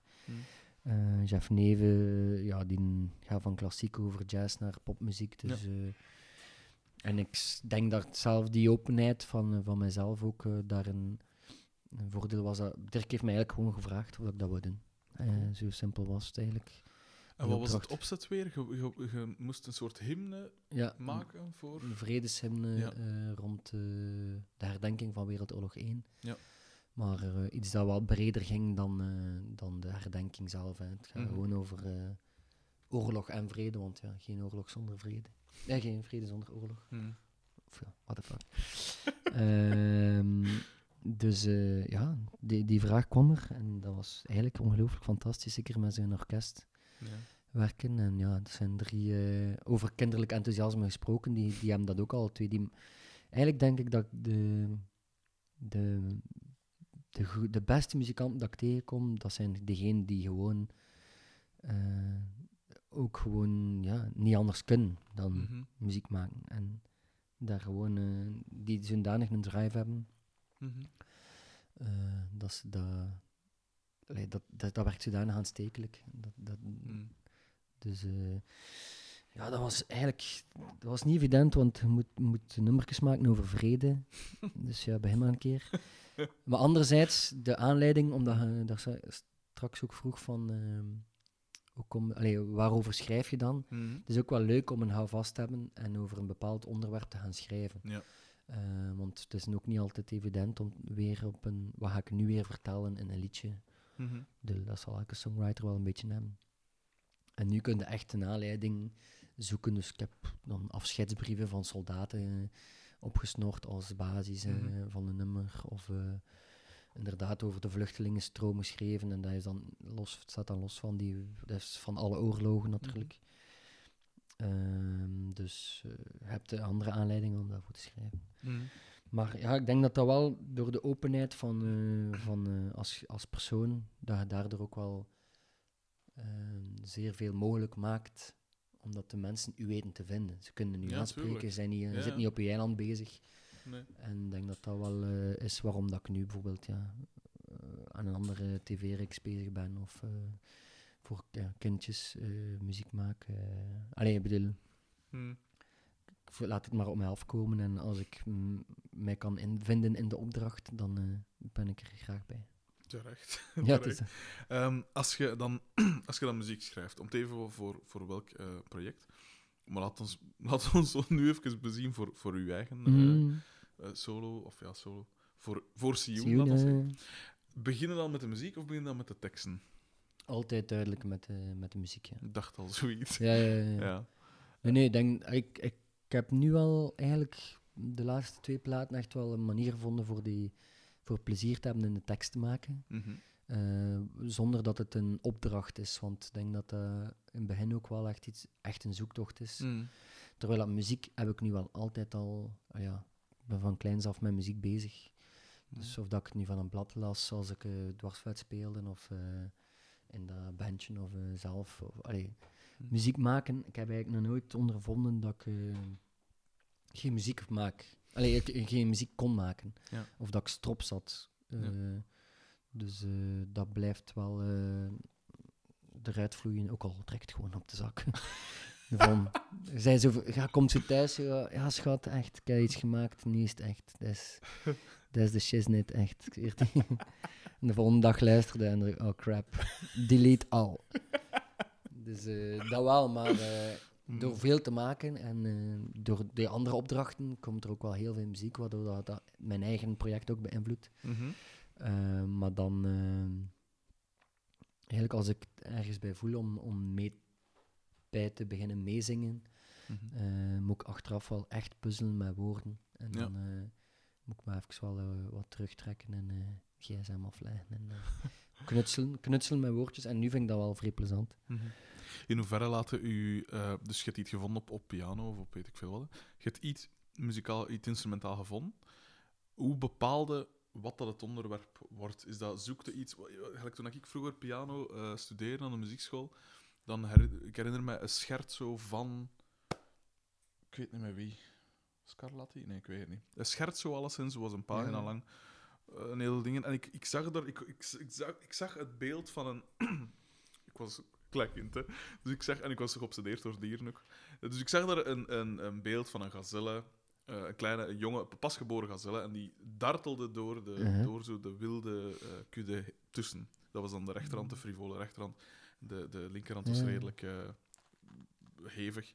Um, en dus ik, ik zag daar beelden bij. Je gaat dat, je gaat dat ook, af, afhankelijk van, allee, op basis van de muziek dat je geschreven hebt, Of denkt je van, oké, die, die klinkt ferm, maar aan wat kan ik dat koppelen? Of ik wil juist Mhm. Dinneke vertellen, ik wil Dinneke kwijt.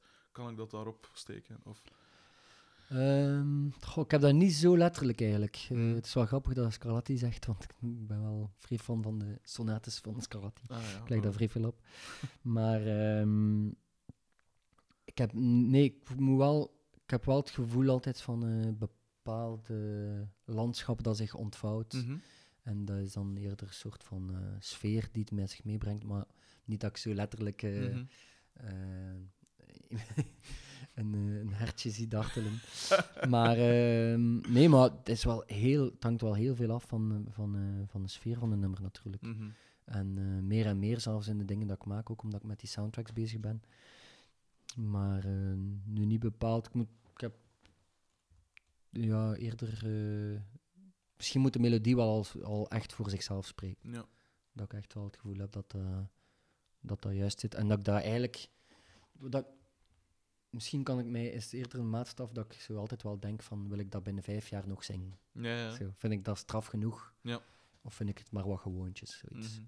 En, dan, maar qua beelden, ja, eigenlijk eh, valt dat wat tegen. nee. Ehm, hoe pakt hij het schrijven van een soundtrack aan? En eh, hoe, hoe, hoe, hoe, stel, hoe stelt dat bedrijf, of die weet ik veel wie, hoe stellen zij de vraag? Zeggen zij dan van, eh, oké, we hebben een, ik zeg maar iets, de, de, de begintune van, van de reeks of de film nodig. Mhm. We hebben eh, tussenmuziek nodig van ongeveer 20 seconden voor dit beeld. Of, hoe, hoe, Ja. hoe zit dat? Hoe werkt dat? Maar ik, probeer altijd eh, zo vroeg mogelijk in het stadium, in het stadium van, eh, van de reeks al... eh Mm. allee, bij Marsman was dat bijvoorbeeld zeer... ik had misschien wel... Ik had al drie uur muziek gemaakt, denk ik, voordat Amai. de, dat, dat ik de eerste beelden zag. Mhm. En dat was wel echt fantastisch, omdat we veel materiaal om te puzzelen van dit klopt en dit niet. Ja. Dat was zeer, dat, dat vergde heel veel tijd. Mhm. Maar daardoor zit je niet zo vast aan inderdaad een opdracht van kun je hier 20 seconden muziek hebben of kun je eh, bijvoorbeeld de intro Mhm. eh, schrijven. Je kunt uit die bibliotheek dat je al gemaakt hebt Ja. eh, beginnen knippen en zien wat er past en Mhm. waar dat ze zich mee in, in kunnen vinden. Mhm. Dus dat is wel heel fijn. Maar bijvoorbeeld nu voor de reeks Amigos, waar ik muziek voor aan het maken ben, heb ik nu net gisteren een eerste aflevering die eigenlijk al voor 80% klaar is qua montage. Ja. En daar heb ik nog niet zoveel muziek voor, maar ik denk dat dat ook wel eh, een reeks is waar ik meer specifiek ga moeten eh, op, in, op inspelen. Mhm. Maar het bijvoorbeeld, eh, ik schrijf dan een themaatje voor een bus. Ze rijden af en toe in zo'n busje. Mhm. In zo'n grappig klein Toyota busje. en eh, daar, hou ik me dan, dan zet ik dan in loop bijvoorbeeld en dan probeer ik daar iets, eh, iets bij Ja. te schrijven. Of daar is echt wel de opdracht van. eh, eh, het gaat rond hoop en trots. Ja. Het moet trots zijn, maar anderzijds moet het ook wel wat rauw zijn. Dus dan probeer ik die elementen er wat in, in, Mhm. in te verwerken.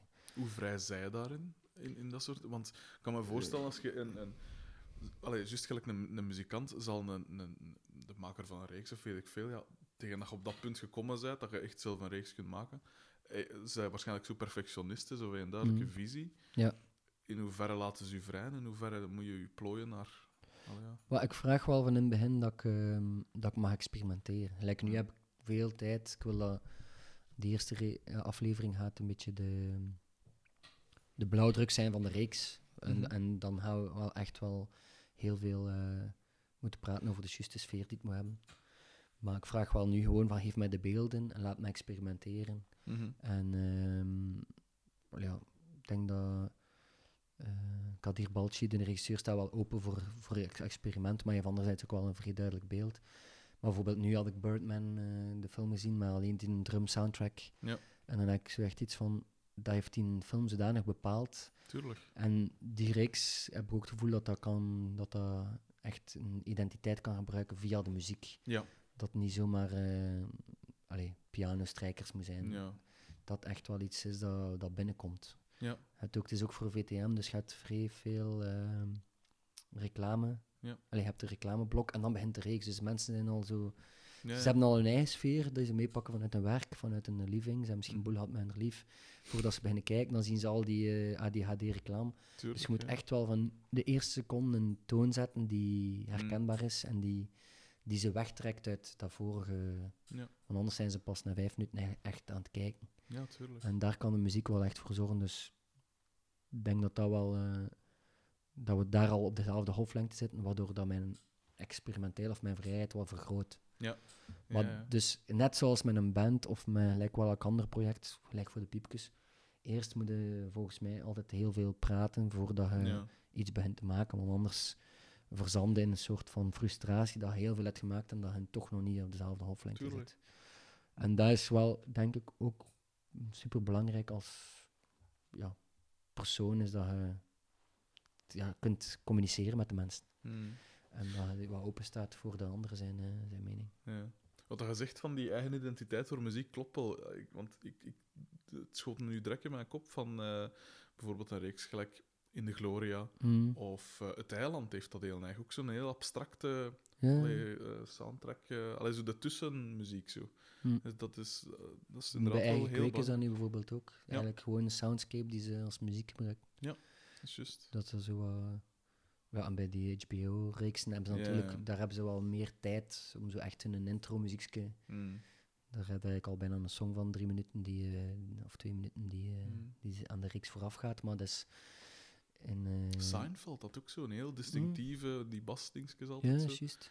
Altijd zo... Wel, en zeker als het een hoog tempo is, eh, Mm. in die reeks is het ook, je hebt vrij veel personages met, allemaal hun eigen identiteit. Ja. Dus je moet ook wel echt eh, iets, iets durven of, het, of, of je mist wel iets. Allee, Ja, ja. bij Marsman was het voordeel is dat het stoer aan die reeks was dat er heel, dat een heel traag tempo was. En dat er soms zat er gewoon in de reeks een minuut dat er iemand over de straat liep en muziek. En, dus, maar dat was, ook, dat was ook wel het genie erachter, denk ik. Want Mm. daardoor konden mensen zich ook verplaatsen in de wereld van die persoon. En Tuurlijk. ze konden dat laten binnenkomen en daar een eigen gedacht van maken. En daarom Mm.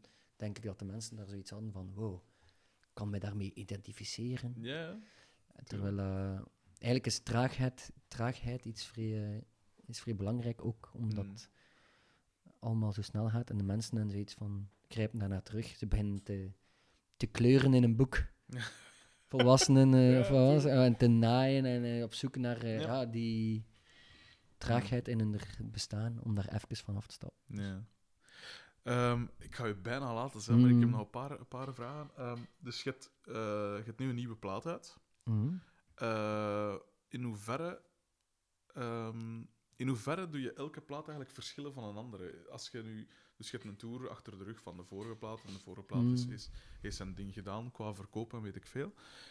Op er komt, dat moment komt van, we gaan, we gaan een nieuwe plaat maken. Zeg je dan bewust van, oké, dat, moet, dat moet anders zijn als, als de rest. En zeg je van, ik kan ik dit doen of ik kan ik dat doen? Of hoe, hoe werkt dat dan? Hoe begin je aan een nieuwe plaat? Ehm, goh, het hangt eigenlijk een beetje af van het parcours en van de vorige plaat, denk Mhm. ik. Of de, goh, de, de tijdsgeest. nee, de, de, hoe dat u als persoon begeeft in een, in een- ja, ik weet niet. Eigenlijk, de vorige plaat was super spontaan, tussen andere projecten door. Oké, eh, de, de ene moment was ik inderdaad nog met Marsman bezig over het vuurwerk van Hense Feesten. En, Mm. ehm, en dan, oké, binnen twee weken gaan we in de studio. eh, hup, dan dat wordt afgemixt. Ondertussen zijn dan met iets anders bezig. Of, eh, Mm. dus dat was echt zo wat tussen de soep en de patatten, als ze zijn. Zon, allee, dus eigenlijk komt dat eh, vanuit een drive, dat, omdat je op, op een andere creatieve manier vredig bezig bent, Mm.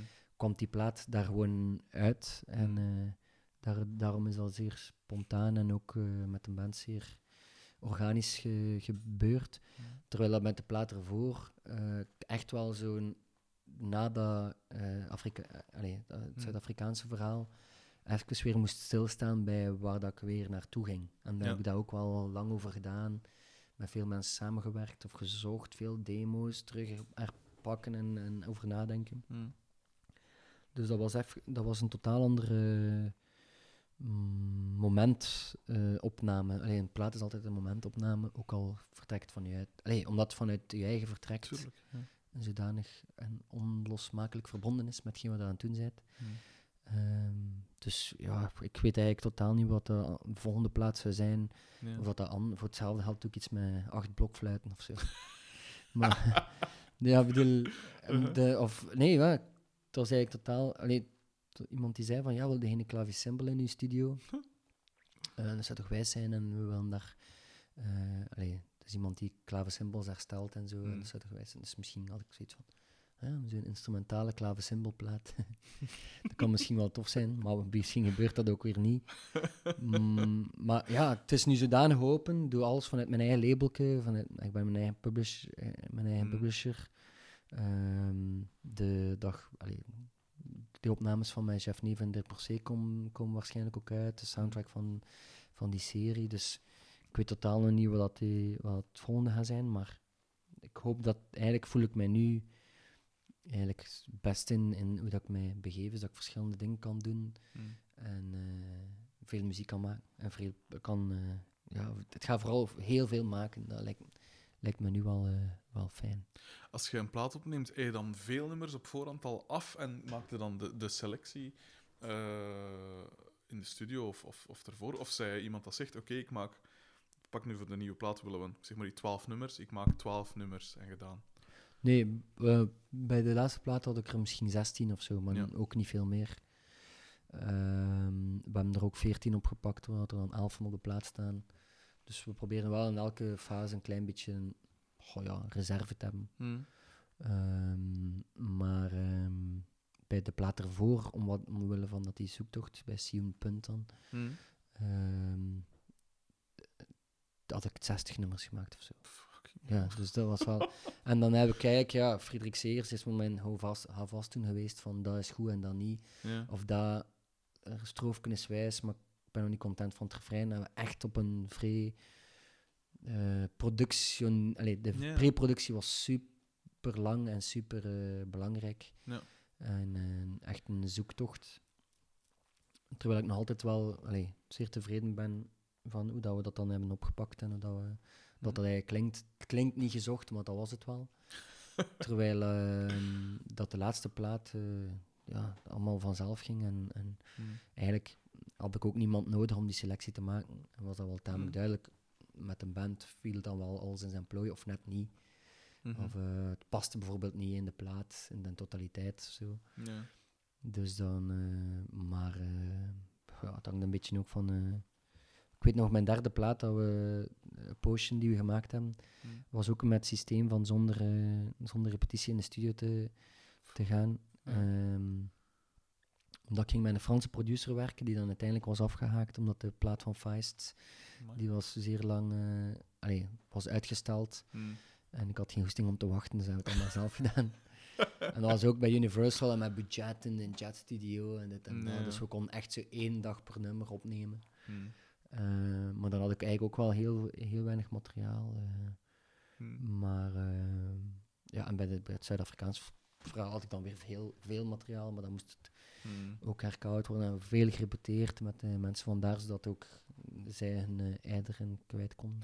Als je dan 60 nummers zet, dan kan ik me toch voorstellen, oké, het een zal wat, min, wat beter zijn dan het ander, maar laat ons toch zeggen dat je van 40 ervan of zo toch zelf wel content zet. Neem ik aan. Ja, ja maar dat wa- wel. Ja. Maar wat doe, je dan, wat doe je dan met die dat je dan niet oppakt? Want die zitten dan ergens in je dingen. Ja. en je hebt er... Ik heb dat eigenlijk nog wel in een fileke dat ik probeer af en toe op een eh, doodsmoment om wel een keer naar te luisteren. Hmm. Bij het opkuisen van je harde schijf. Eh, die nee, maar eh, ik vind dat wel nog... Vind dat, het archief... Eigenlijk kijk ik op het moment dat ik dingen maak Hmm. heel weinig terug naar het verleden. Mhm. Maar eens dat iets af is, bijvoorbeeld nu is de plaat af, dan probeer ik wel nog een keer... Dan luister ik nog een keer naar mijn eerste plaat terug. Of Hmm. ik nog een keer in de demo's. Ja. En dat vind ik wel vrij tof om ook te zien wat dat de evolu hoe dat de evolutie is. Ja, ja. Want uw werkwijze van een nieuw project hangt er wel heel veel af van hoe dat je je eigen ook een beetje... Je moet je eigen ook wel wat analyseren zonder te, er te veel bij stil te staan. Ik ben nu... ah, wel ja, het is nu toevallig dat Mirko mij dat boek gaf, Dagelijkse Rituelen. Mhm. En dat wordt Is dat eigenlijk... van die schrijvers? Ja, alles, alle creatieve van, van breinen... artiesten? Ja, ja hun routine. Ook, ik ga hem ook bestellen. Ja. Ja, het is superwijs. En Mhm. een routine wordt, eh wordt uit, uitgerafeld hoe dat ze een dagindeling Ja, doen. En eh, dat is echt wel vrij tof om ook... Ach, Ik weet niet bij wie dat ik het niet had gelezen. Ik zou het, ik zou het echt eigenlijk moeten noteren. Maar eh, iemand die zei van, ja, ik maak iets en de volgende dag doe ik het, hetzelfde dat ik gemaakt heb, schrijf ik opnieuw. Ah, ja. En dat vind ik wel vrij interessant, omdat Ja. eigenlijk voor veel dingen maak ik iets en dan hup, de volgende dag ben ik al aan iets nieuws bezig. Ik misschien nog wel nu, nu de oefening wil doen om dan een keer te- opnieuw te schrijven. Ja. En dan gaat het toch misschien een stap verder in, eh, in een compositie van iets. Mhm. Eh, dus je krijgt daar wel, allee, ik eh, ontrafelde wel die routinekes van anderen. Ja. Dus ja, ook om weer wat uit die comfortzone te geraken, denk ik. Ja. Maar ja, wel ja, ik denk, ja, de evolu... Eigenlijk moet je pas, kun je pas later eh, terugkijken op je parcours. Mm. Maar eh, ik heb eigenlijk nog van, van heel weinig sp- dingen spijt. Dus. en ik zou het nog op veel, andere, op veel gebieden niet anders gedaan hebben, dus dat vind ik wel tof. Mm. Je bent een, een multi-instrumentalist, al was het maar omwille van de dwarsfluit. ja, inderdaad. maar zijn er, eh, zijn er dingen, allee, je favoriete instrumenten? Ik bedoel, Mm, gelijk ik zie hier die oude piano nu staan. ja. Ik kan me voorstellen dat je, dat je je daar wel aan hecht als zoiets. Of, Ja. of, of beschouwde dat Mm. meer echt als van, oké, ja, ik heb een, een piano nodig, goed. Het maakt niet zoveel uit. Of zeg je, dan wil ik gebruiken, dan wil ik gebruiken. Wel, het voor- en nadeel aan een piano is dat de, ehm, overal waar dat gaat spelen, kun je die akoestische niet meepakken. Nee. Dus je bent wel afhankelijk van het instrument dat, je daarbij sta, eh, dat, dat, Mm. er, dat er staat. Ehm, dus ik, heb, ik moet wel zeggen dat ik vrij licht leef. Ja. Ik heb in het algemeen ook heel weinig, we hebben zijn nu net verhuisd, Mm. ik kon vrij makkelijk veel dingen wegsmijten. ik ben, ik heb, ben echt totaal niet van... eh, Mhm. ik ben niet zo gehecht aan zo... Je hebt zo echt mensen die zo... allee, niet anders kunnen ja. of zo. En nu heb ik wel een gitaar laten maken, eh, een Telecaster die nog eh, in die kist zit, Ah, ja. door een luthier hier op, eh, op, op de Muiden. Ja. Een, een, ja, een elektrisch gitaar, een Telecaster, Mhm. met een Bixby. En dat, allee, ik heb daar ook wel in geïnvesteerd, ook omdat ik dat duurzaam vind, omdat ik dat fantastisch vind dat die gast dat kan maken. Is dat die dat je gebruikt hebt voor die hymne-dingen? Ja, ja, ja. Ah, ja, En daar speel ik nu mee. En dan, nu merk ik eigenlijk zo, want bijvoorbeeld een Pieter Jan of een, of een Hmm. Roland, die hebben dat natuurlijk wel. Mm. Alhoewel dat Roland altijd een andere gitaar meebrengt. Eén van zijn 85. ja, inderdaad. Ehm, maar eh, dat is wel iets van, je hebt dat laten maken, je komt bij elke... Je hebt het hout zien gesneden worden, je hebt, Hmm. eh, hebt samengezeten om dat dat er moet zijn. Moet, de hals moest iets kleiner zijn dan mijn kleine handen. Eh, ik, ik ram op mijn gitaar, dus er moeten dikke snaren op, die een Bixby wou ik erbij, omdat dat wel leuk is om sound te maken voor de soundtrack. Allee, Mm. dat is echt wel op mijn maat gemaakt. Ja. En dan merk ik wel dat dat iets is van een, een, zo'n bijoutje zo. Ja. Maar voor de rest, eh, die piano is, ja, is wel heel, heel fijn, maar die is van Pieter Jan. Eh, ik heb die al laten herstellen, omdat, eh, Mm. omdat, ik, eh, omdat ik zoveel gebruik. Maar ja, die elektronische instrumenten, eh, die de Noord, die een kordier staan, eh, Mm. die een drum, goh, ik zou ook wel op een andere denken. Ik ben niet zo iemand die daar vrij aan, aan gehecht is. Maar- Ehm, ik denk dat ik aan mijn laatste vraag toe ben. Mhm. Ehm, eh, dus je hebt nu hoeveel platen heb je als Sion gemaakt? Zes. Zes platen. Ja. Vallen die voor jezelf in te delen in een soort, in een soort thema? Allee, is er zoiets... hoe- allee, dat is gelijk kinderen eigenlijk. Hè? Ja, je, hebt, Ja, ja, je, hebt, je, hebt, je hebt uw vossen, je hebt uw weet ik veel. Je hebt, ze, hebben- ze hebben allemaal hun eigen identiteit, neem ik aan. Ja, ja, dat, Eh, zeker. Kun je die, kun, kun- is dat voor jezelf benoembaar? Die plaat is dat, die plaat is dat. Hoe zie je die evolutie zelf? Mm, goh, ik heb het eigenlijk nog niet echt zo ontrafeld, maar het is wel zo, ja, een debuutplaat blijft wel iets magisch, omdat je dat, omdat dat de uh, You Naked was echt wel, ja, zonder enige kennis van muziekindustrie, whatsoever.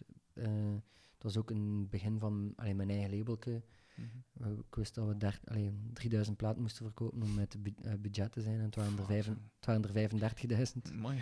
Dus dat was, dat was heel tof. En plots kwam, ging de hele wereld open. Zo, eh, ehm, dus, allee, dat, maar dat, die naïviteit die daarin zit, Mm. eh, heeft, wel, heeft zijn charme. Ik denk dat Ease Your Mind was echt wel... ehm, ik denk dat dat ook... Ja, dat was eigenlijk ook wel zeer vanuit een live Mhm. parcours vertrokken. Ehm, ik denk dat dat misschien nog iets zoeken was naar, de, naar een band, een bandsound. Mhm. Maar dat, wat, dat zijn toch wel ook nog altijd nummers die opduiken in de set bij Ease Your Mind. Omdat eh, ik ben wel heel content van hoe dat ik voor de eerste keer nummers kon schrijven die dan nog altijd voor mij... En gewoon een titelnummer Ease Your Mind is wel een soort van lijflied. Ja. Eh, dus dat, dat was wel zoiets van, oké, eerste stappen voor mij naar, naar een, een deftige tekst. A Potion was wel een, een beetje een worsteling. Ik denk dat dat de meest donkere plaat was van al, omdat toen ook wel zo... Ik merkte dat de, dat de sfeer van die muziekindustrie plots zo wel wat zijn sporen naliet. Mhm. Allee, het is niet toevallig dat ik heb een eh, interview gezien met Bill Withers, die daar echt wel van gedegoteerd was en eh, daardoor ook gestopt was. En Ja. dat, omdat hij ook niet meer vrij, vrij naïef kon schrijven. eh, dat is ook iemand die die melancholie met een glimlach kon brengen. Mhm. Dan die een glimlach vervaag, vervaagt misschien wel een beetje, omdat ze de, de ster wordt. Bij Mhm. mij was dat totaal niet van, dezelfde, van hetzelfde kaliber natuurlijk, maar merkt wel een Aha, soort van ja. vro- eh, vroeten. Mhm. Ja, meer, meer ident- identiteit dan het Calling op Soweto overal kun je bijna niet hebben, omdat dat zo verbonden was aan dat reisverhaal. Mhm. Ik wist niets van, eh, van Zuid-Afrika af. Ik moest alles kuifjesmatig ontdekken. eh. ik, wist dat, ik, wist ik wist dat de mensen daar aids hadden en dan Nelson Mandela daar. wel- Allee, zo, zo kaal was mijn reis eigenlijk Ja. in het begin. En zo eerlijk is het ook eh, neergelegd op die plaat, of Ja. neer, neergeschreven. Ehm, ja, over Sion-punt heb ik het al gehad. Dat was wel zo'n soort van nieuwe het zoeken naar een nieuwe identiteit zo in, in het popwereldje. Mhm. En eigenlijk nu, ja, Man Mountain is denk ik wel eh, de meest organische. En eigenlijk heb ik mij nog nooit zo goed gevoeld als nu, als muzikant. Mm. En ook omdat ik alles kan doen wat ik wil doen. En eh, dat ik ook alles zelf in handen heb. Eigenlijk, die rust is wel heel, heel belangrijk, denk ik. Mhm. Ik ook- ben ook iemand die in de voormiddag mijn mails beantwoordt en mijn boekhouding doe en mijn betalingen doe. Mhm. En dan eh, in de namiddag vrij mijn muziek kan maken. Ik denk- Ik Ja. denk dat dat iedereen, hoe vrijer dat je in je hoofd zit op de praktische dingen, hoe beter dat je, hoe vrijer dat je muziek kunt maken. Mhm. En dat systeem heb ik wel gevonden. Dus ehm, dat is wel, ehm, alles heeft wel zijn parcours. Ja. Alhoewel dat ik, nou, de eerste drie platen, dat was ook een mega trip. Hè. Dat was niet. Zal Allee, drie keer werk er gedaan. eh, we hebben overal ja, 120 optredens per jaar. Mhm. Een busje gereden, allee, gereden eh, vrij veel podia gezien, vrij veel mensen gezien. Dat was Mhm. natuurlijk een vrij fijne... Iets wat ja, nu de Intergalactic Lovers en de Balthazars meemaken. En, Ja, ja. allee, Balthazar nog op een iets eh, hoger niveau qua Ja, ja. bereik. Maar eh, dat is wel een parcours dat wij ook allemaal hebben afgelegd. Hè. Dus ik ben daar wel heel fier op. En dat is ook waarom... Dat heeft mij ook gebracht tot wat ik nu kan doen. Mhm. En dat ik nu een beetje uit buiten de lijntjes kan kleuren als Sion. Want ze weten van Ja. dat daarvoor eh toe in staat. Ja. Mhm. Laatste vraag, en het is waarschijnlijk de moeilijkste van Hans en dingen. Mhm. Is er één nummer van uit, gans, uit alles wat dat je gedaan hebt? Is er één nummer? Pak nu, we moeten Sioen, pak nu gesterfd. Ik wens het u Ja, niet toe, ja. maar je weet, eh, dan komt er een gaat soort- gebeuren, hè? Blijven geloven. Ehm, maar je weet, eh, als er zo'n een, een muzikant sterft, dan komt er in het journaal eh, dingen en dan is er een filmpje en dan wordt er een Mhm. nummer getoond. Is er één nummer van jezelf dat je vindt van, oké, dat is me, of waar je het meest fier op zet, of dat is, dat is wat dat Sioen is? Of, dat is een heel moeilijk ding, want je moet kiezen tussen Ja. honderden nummers waarschijnlijk. Wel ja, ik denk dat eigenlijk is het niet, in mijn geval niet zo moeilijk omdat ehm, allee, het, het liedje Cruisen, Mhm. ik sta er eigenlijk van versteld, omdat we gaan nu, allee, weer, we gaan nu weer naar Korea en de, Mm. de nieuwe plaat komt daar ook uit, dankzij Cruisen. Ehm, het is toch ook altijd het begin van als je een portfolio naar iemand doorstuurt, eh, Mhm. eh, als, je, allee, als je met mensen over soundtracks bezig bent, die kennen Sioen omwille van Cruisen. Ja. Eigenlijk is dat ik heb daar veel aan te danken aan dat nummer. Omdat dat... Ja. Eigenlijk was dat niet de eerste single, maar een tweede. Maar dat was de eerste single dat de, alle fans van in het begin toen in de afrekening hebben gestemd. Ja. En dat stond dan op nummer 1 in de afrekening. Ja. Eh, ja. En dat is wel nog iets... Als je dan naar Korea gaat, dan zeggen ze... Your song, it's crazy. It's perfect Korean emotion. Yes, perfect. It's a summary of our emotion. Ja, cool. Dus dat is ook wel... is Aan de andere kant van het land, ja. ik heb dat hier in Sint-Jacobs-Nieuwstraat kaal geschreven in, de, in, in, in Gent. Bedoel, eh, Renault. Ja. Ehm, dus ja, dat, daarbij start het wel. Hè. We hebben daar een best-of uitgebracht Mm. met de compilatie Cruisin. Ja. Ehm, dus ik denk dat dat iets is dat ze... Ik heb daar een keer met Toets Tielemans gebracht. Op, op- dat was Cool. toch ook een vrij fijn moment. Op uh, Dranouter. Dat is toch altijd wel een nummer dat eh, veel heeft geopend. Ja. En dus, ja, dat heeft, bij, bij veel grote bands gaat het toch over de debuutsingle, die alles heeft Ja. veranderd. Maar is het, is het dan voor, want het heeft veel teweeggebracht, hè, en dus voor, naar Hmm. buiten toe is het heel belangrijk. Maar is het voor u zelf ook het, het, het favoriete nummer? Of, of u, alleen voor Hmm. u persoonlijk, hè? los van al de rest? Ja, ehm, maar dat, dat is echt wel heel moeilijk. Hè. Ik heb nu wel een vrije affiniteit ook met de... Ik het al over Another Ballad, maar Hm. er is ook een nummer Johnny, Mary, Tommy and the Sun van op mijn eh, vorige plaat. Hm. eh, waar dat we ook elk optreden spelen. En ik voel ook wel dat daar de, dezelfde mm, dromerige melancholie en Hm. eh, muzikaal is dat, allee, is dat echt wel goed geschreven. Maar samen met Frederik Segers trouwens Ja. heb ik dat, ik dat gemaakt. Dat is wel eh, ook een nummer dat, dat stroofje bleef vrij lang liggen en plots kwam vrij dan met, met het begin van het refrein af. Hm. En, dus dat is wel een nummer dat, ik, dat ze, als ze het over Sion hebben, ook wel altijd mogen spelen. Volgens Herman Brusselmans trouwens het beste Belgische nummer ooit. Echt? Yes. Ja, dat is wel cool. Complimenten moet je eren. Allee, cool. Dat is een cool afsluiter. Ja, ja. Eh, ik zou je enorm willen bedanken dat ik mocht afkomen. Goh, Eh, ik vind het een fantastisch format. Dus eh, ik hoop dat je nog veel mensen zo mocht interviewen. Dat is super tof. er staan er nog een, een aantal, tien- tientallen gepland. Ja, inderdaad. Tof, tof. Eh, nee, maar enorm bedankt, echt waar. Ik vond het heel interessant, ik vond het heel eh, aangenaam, want ja, Ja. het is, het is niet, niet hetzelfde natuurlijk. Ehm, en ja, echt eh, veel succes met de nieuwe plaat en ja, met alles wat daar nog van zin zit. hè. Jij ook, hè? Fantastisch. Applaus voor Antiradio. Podcast.